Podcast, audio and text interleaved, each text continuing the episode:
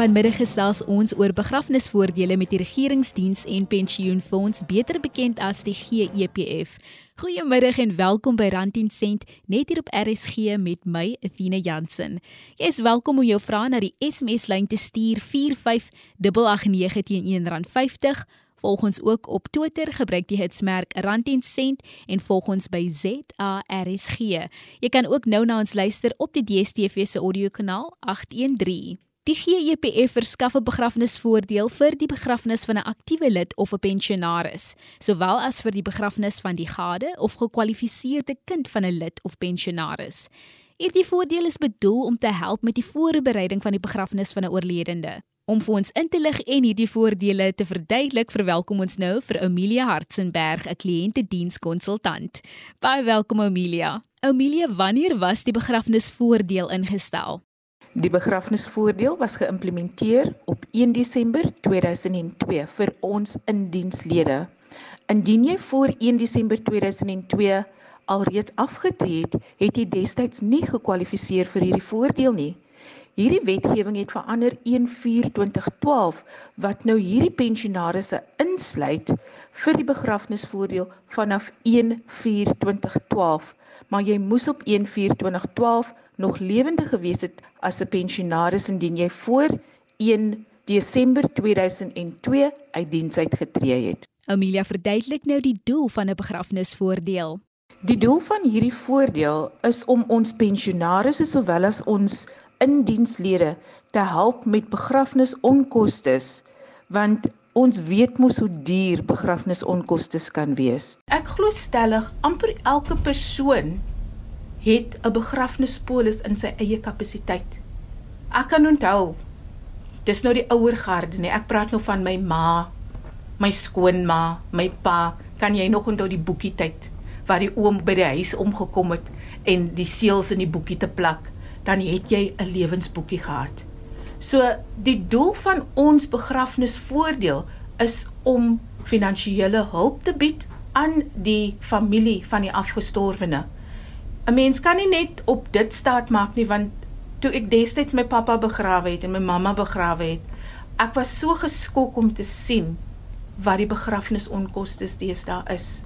So hierdie is 'n hulpmiddel en sê byvoorbeeld jy het 'n begrafnisvoordeel by jou kerk vir argumente onthaalwe. Begrafnis was al reeds voorbetaal, kan jy nog steeds kom aansoek doen vir hierdie begrafnisvoordeel. Jy kan dit gebruik om kos te koop, jy kan dit gebruik om elektrisiteit te koop. So soos ek gesê het, dit is 'n hulpmiddel vir die familie.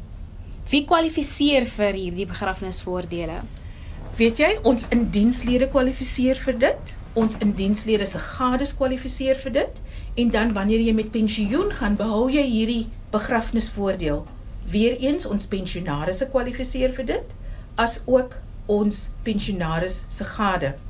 Dan moet ons nie vergeet van die kinders nie. Kinders het dan drie verskillende kategorieë. Ons praat van kinders tussen 0 en 18. Wanneer die kind tussen 18 en 22, moet die kind 'n voltydse student wees in orde om te kwalifiseer vir hierdie voordeel. En dan die laaste kategorie is dan 'n uh, disabled kind gestremde kind ongeag van hierdie kind se ouderdom maar hierdie kind moet dan finansiëel afhanklik gewees het van my lid of van my pensionaris soos op datum van dood. So as ons praat van kinders, ons eie kinders of wettiglik aangenome kinders. So um, ons kry baie mense wat gewoonlik sê maar ek het my my my suster se kind grootgemaak of ek het my dogter se kind grootgemaak. As jy nie die kind wettiglik aangeneem het nie, word so 'n kind dan nie gedek op ons begrafnisvoordeel nie. Amelia verduidelik ook hoeveel 'n begrafnisvoordeel per aktiewe lid is. Die voordeel wat ons uitbetaal vir die begrafnisvoordeel is R15000. Dit is van toepassing op my lid, indienslid. Dit is ook van toepassing op my pensionaris en dan vir die gades ook. Vir die kinders is dit R6000 of jy nou 0 tot 18 of 18 tot 22 voltydse studente of 'n gestremde kind is, die voordeel vir kinders is R6000. Indien beide partye aan die GEPF behoort, soos byvoorbeeld ek en Manlief, werk al twee vir die regering en ons al twee is uit eie reg uit lede van die fonds. Indien ek tot sterwe kom, nê, nee, Omelia, dan kan my man 'n eis indien op Omelia se pensioennommer om te sê die lid het afgesterf en hy kan 'n eis indien op sy eie pensioennommer om te sê Omelia sy gade het afgesterf, dan kan daar twee eise vir Omelia ingedien word. Dan is dit R30000. Hierdie voordeel is belasbaar. Onthou dit mense, die keiser moet altyd kry wat hy moet kry. En dan hoeveel is 'n begrafnis vir 'n GEPF pensionaris? Presies dieselfde, R15000 minus die belasting natuurlik. Amelia, wanneer is 'n lid of 'n pensionaris nie geregtig op 'n begrafnisvoordeel nie? Jy, dis 'n baie baie interessante vraag wat jy daar vra en dit klink baie eenvoudig, maar dit is eintlik baie kompleks. Ons het nog vroeër gesê wanneer die begrafnisvoordeel geïmplementeer was vir die eerste keer op die GPF wat 1 Desember 2002 was, met die aanname dat jy moes in diens gewees het om van hierdie voordeel gebruik te kan maak. Nou indien jy 'n oom of 'n tannie is wat voor 1 Desember 2002 afgetree het, het jy nie gekwalifiseer vir hierdie voordeel nie. Sou jy tot sterwe gekom het as 'n pensionaris. Maar weet jy, ek sê altyd, ons bly in 'n wonderlike land, Suid-Afrika. As jy nie happy is oor iets nie, wat doen jy? Jy toi toi totdat jy kry wat jy wil hê. en dis presies wat gebeur het. Ons pensionaars het kapsie gemaak en gesê maar ons is ook mos lede van die fonds. Hoekom kry ons ook nie hierdie voordeel nie? En weet julle op 1/4/2012 het die wetgewing verander wat nou hierdie mense insluit vir die begrafnisvoordeel wat afgetree het voor 1 Desember 2002. Nou, luister nou baie mooi wat Oumelie sê. Jy moes nog lewendig gewees het 1/4/2012 om te gekwalifiseer het vir hierdie voordeel. So vir daai 10 jaar tussen 2002 en 2012, indien jy tot sterwe gekom het en jy's van diegene wat voor 2002 afgetree het, het jy nie gekwalifiseer vir die begrafniseis nie. Maar as jy nog gelewe het 1/4/2012 en jy na die datum gesterf, dan was jy ook ingesluit by die begrafniseis. En weet jy watter ander vraagie ons ook gewoonlik kry? Omilie, my ma het 10 jaar gelede afgesterf of my ma het 5 jaar gelede afgesterf. Kan ek nog aansoek doen? Die antwoord is ja, jy mag aansoek doen want hierdie voordeel verstryk nie. Al wat gaan tel is die datum wat die persoon afgesterf het. Ons moet gaan kyk na die wetgewing van daai tyd of dit die persoon kwalifiseer vir 'n begrafnisvoordeel al dan nie. Jy is ingeskakel op RSG met Athena Jansen. Rand en sent word met trots aan jou gebring deur die SABC Opvoedkunde in vennootskap met die Regeringsdiens en Pensioenfonds. SABC Opvoedkunde vir ryk denke, vir ryk lewens. Amelia verduidelik nou die eisproses. Ons is mos nog maar die administrateur, so ons klomp papiere. Daar's verskillende maniere om hierdie dokumentasie by die GEPF te kry. En as ek 'n voorstel kan maak, elke provinsie het 'n instapdiensentrum. Maak gebruik van hierdie instapdienssentrums want die dienste wat ons aanbied is ons sal vir jou help die vorms voltooi. Ons sal seker maak dat alle dokumentasie daar is. So wanneer ons die dokumente of die eis op die stelsel laat, dan weet ons dis reg om betaal te word. Nou, dit is die eerste voorstel wat ek gaan maak dan in COVID het ons nou 'n e-posadres geskep om hierdie eise na toe te stuur. Maar almal het mos nou nie toegang tot rekenaars en skanners en goed nie. So dan moet dit maar nou gepos word na ons hoofkantoor toe. Maar my beste bet, ek beloof jou, is om gebruik te maak van jou instapdiensentrum. Jy kan die e-pos funeral benefits @gpaa.gov.za. Jy kan dit soontoe stuur, maar dit is baie baie belangrik dat alle dokumentasie die eis moet vergesel. En so gepraat van dokumentasie, watter dokumentasie moet gebruik word of ingevul word? Dit is nommer 1 die Z300 vorm Hierdie word voltooi deur die applikant. Dan het ons nodig die doodsertifikaat. Hierdie dokument moet oorspronklik gesertifiseer wees. Die ID van die lid moet ook by wees. Die ID van die applikant. Dan die Z894. Hierdie moet gedeeltelik voltooi word deur die bank.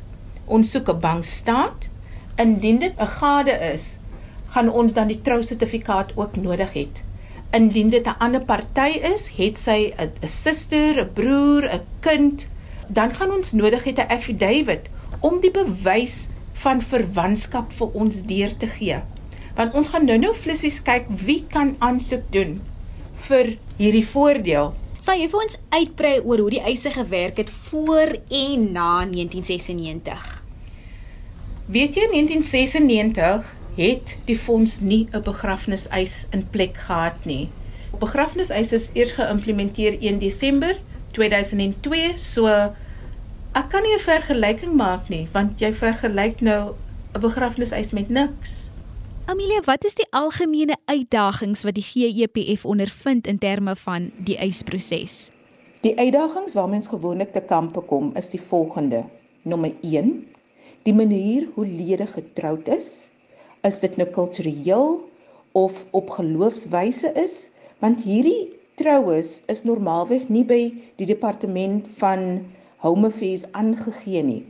So dan benodig ons twee affidavits vanaf beide kante van die familie om te bevestig dat die twee partye wel getroud was. Dan sukkel ons ook geweldig met eise vir stilgebore kinders want ons benodig 'n dokument vanaf die hospitaal om te sê hoe ver die swangerskap was en 'n dokument wat hulle noem Road to Health Chart kan ook ingedien word. Wanneer dit 'n stilgebore baba is en die aansoeker is die pa, benodig ons 'n unabridged birth certificate. Een ander ding waarmee ons ook gewoonlik sukkel is ons pensionaarsse of ons lede se belastingnommers word in alle tye benodig omdat hierdie begrafnisvoordeel belasbaar is. En baie van die tye het ons pensionaarsse nie 'n belastingnommer nie of die belastingnommer is onaktief. So dit is ook 'n groot probleem.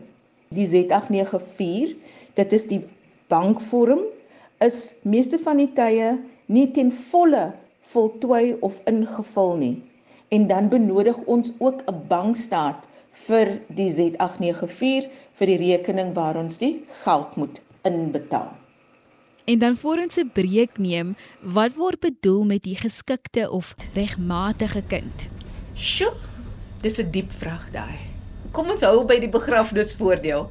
Ons praat van wanneer 'n kind kwalifiseer vir 'n begrafniseis, dan moet dit jou eie kind wees jou eie biologiese kind of wettiglik aangenome kind of die kind moes finansiëel afhanklik gewees het van jou indien dit 'n gestremde kind was. So basies is 'n uh, die Engelse woord it's a eligible child, né? Nee? So regmatige kinders, eie kinders, wettiglik aangenome kinders en 'n gestremde kind wat finansiëel afhanklik was van die lid of pensionaris soos op tye van dood. Amelia verduidelik hoe die begrafnisvoordeel op 'n stilgebore kind van toepassing is. Eerstens baie hartseer. Mm. Ek kan my nie indink nie. Maar weet jy, ek sê altyd ons is hier om nie met ons harte te dink nie. Ons is hier om 'n werk te doen. En vir 'n stilgebore kind sê die reëls van die fonds, die swangerskap moet ten minste 26 weke wees in orde vir so 'n kind om in aanspraak te kom vir so 'n begrafnisvoordeel. Nou, ons gaan dan 'n addisionele dokument benodig om die wetgewing te bevredig om te sê Amelia doen nou aansoek vir 'n begrafnisvoordeel vir 'n stilgebore baba, maar die dokument van die hospitaal of die dokter af gaan ons benodig om vir ons 'n aanduiding te gee hoe ver die swangerskap was. Amelia, hoe word hierdie voordeel uitbetaal? Dit kan in jou eie bankrekening inbetaal word of dit kan in enige poskantoor inbetaal word. Die Z300, dit is nou die aansoekvorm, is so opgestel dat jy kan sê of dit in jou bankrekening of in 'n poskantoor inbetaal moet word. Amelia verduidelik nou hoe lede of pensionaars toegang tot die begrafnisvoordeel kry. Weet jy, om toegang te kry, moet jy basies 'n aansoekvorm voltooi wat die Z300 is en ons voorsien van die stawende dokumentasie wat ek vroeër genoem het. Hierdie vorm kan by 'n instapdiensentrum ingehandig word. Dit kan per e-pos aangestuur word en dan natuurlik kan dit gepos word ook, want ons moet maar altyd in gedagte hou dat almal nie so bevoorreg is om sommer hier in Kaapstad te bly en sommer 'n taxi te vat of 'n bus te vat en tot by ons kantore te kom nie. So al hierdie platforms is beskikbaar. Sy deel ook watter dokumente word benodig om toegang tot die voordele te verkry. Ons gaan gou-gou deur die drie kategorieë draf. Die eerste kategorie 0 tot 18. Gewoonlik het ons 'n ander bridge birth certificate nodig. As dit ontbreek en die vanne van die lid en die kind verskil miskien, dan het ons net 'n affidavit nodig om te sê hoekom daar 'n verskil in vanne is. Wanneer die kind dan 18 geword het, moet die kind 'n voltydse student wees in orde om te kwalifiseer vir hierdie voordeel en dan gaan ons nodig het 'n brief van die instansie of skool om te sê dat hierdie kind wel 'n voltydse student was by tye van dood. Dan die laaste kategorie gaan wees die gestremde kind. Hier gaan ons 'n mediese sertifikaat nodig het of 'n brief nodig het van die dokter of die hospitaal waar die kind soort van getreat was om te bewys dat hierdie persoon wel medies ongeskik verklaar was en dat die kind ook dan finansiëel afhanklik was van die lid soos van tye van dood. Dit kan ook net op 'n affidavit deurgegee word. Hoe lank neem 'n begrafnisvoordeel eis om verwerk te word? Ek is eintlik te bang om jou te antwoord. Die reëls van die fonds sê ons moet hom binne 72 uur uitbetaal. Dis wat die reëls van die fonds sê. Maar weet jy, COVID het 'n manier gehad om alles te kom omverwerp.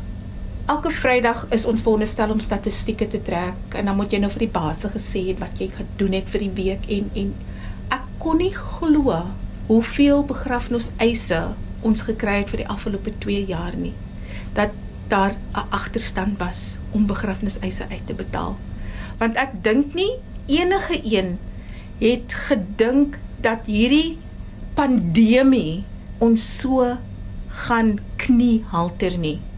Die reëls van die fonds sê ons moet binne 72 uur uitbetaal, maar vir die afgelope jaar of so kon ons dit nie doen nie.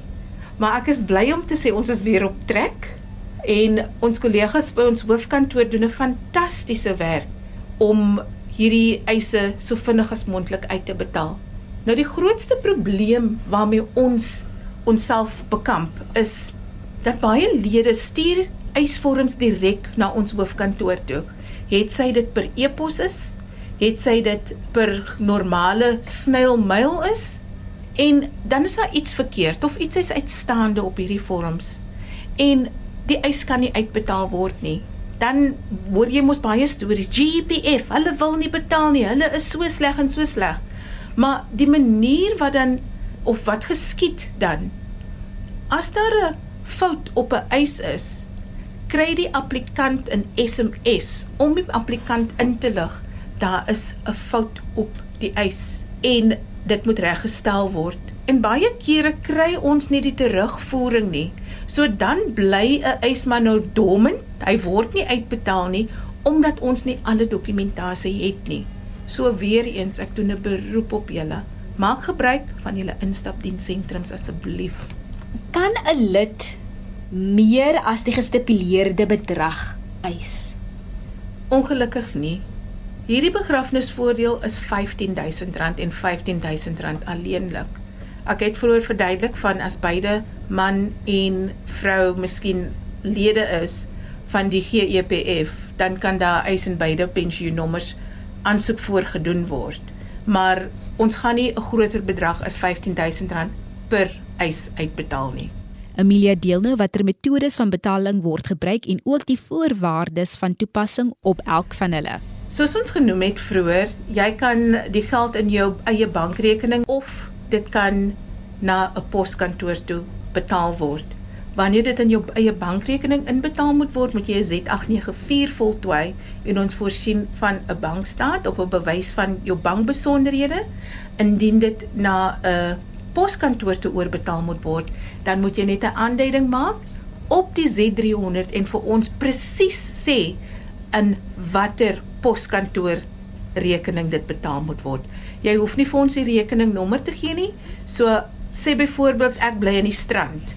Gaan ek sê hulle moet dit in die strand se poskantoor inbetaal. Dit is basies die dokumentasie wat ons aan nodig het vir betaling. En dan om af te sluit Amelia, ons het vroeër gepraat oor die uitdagings wat die GEPF ervaar wanneer dit kom by hierdie eisproses. Maar is daar enige ander oplossings daarvoor of gedagtes wat jy by die luisteraars wil los? Uitdagings soos ek gesê het, die dokumentasie is nie volledig voltooi nie of die stawende dokumentasie is nie gesertifiseer nie en ons het nie die nodige affidavits wat die verwantskap tussen lid en applikant deurgee nie. So oplossing is weer eens asseblief maak gebruik van julle instapdienssentrums. Elke provinsie het ook sy eie e-posadres. Maak gebruik van hierdie e-posadresse, fasiliteite wat daar gestel is vir ons lede om navraag te doen. Want wanneer 'n eis op die stelsel gelaai is, en ek noem sommer dit gaan in 'n error mode. Is dit so moeilik om dit weer uit daai error mode te kry om in die produksie queue te kry vir die geld om uitbetaal te word.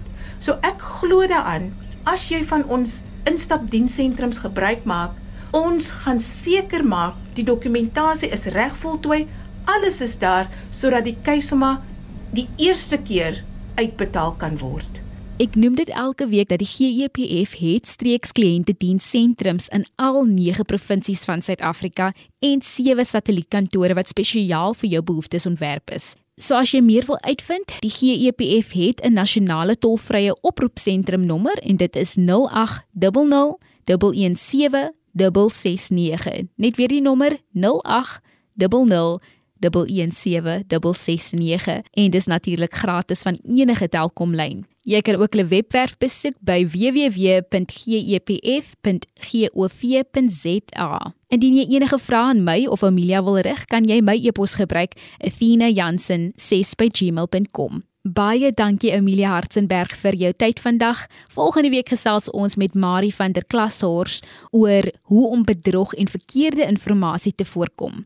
Rand en sent word met trots aan jou gebring deur die SABC Opvoedkunde in vennootskap met Regeringsdiens en Pensioenfonds. SABC Opvoedkunde vir ryk denke vir ryk lewens. Die luisteraars kan vandag se program aflaai op ons webtuiste www.rsg.co.za. By die potgooi skakel sal jy Rand en Sent se program kry. Ek groet dan tot volgende week, 'n geseënde dag verder.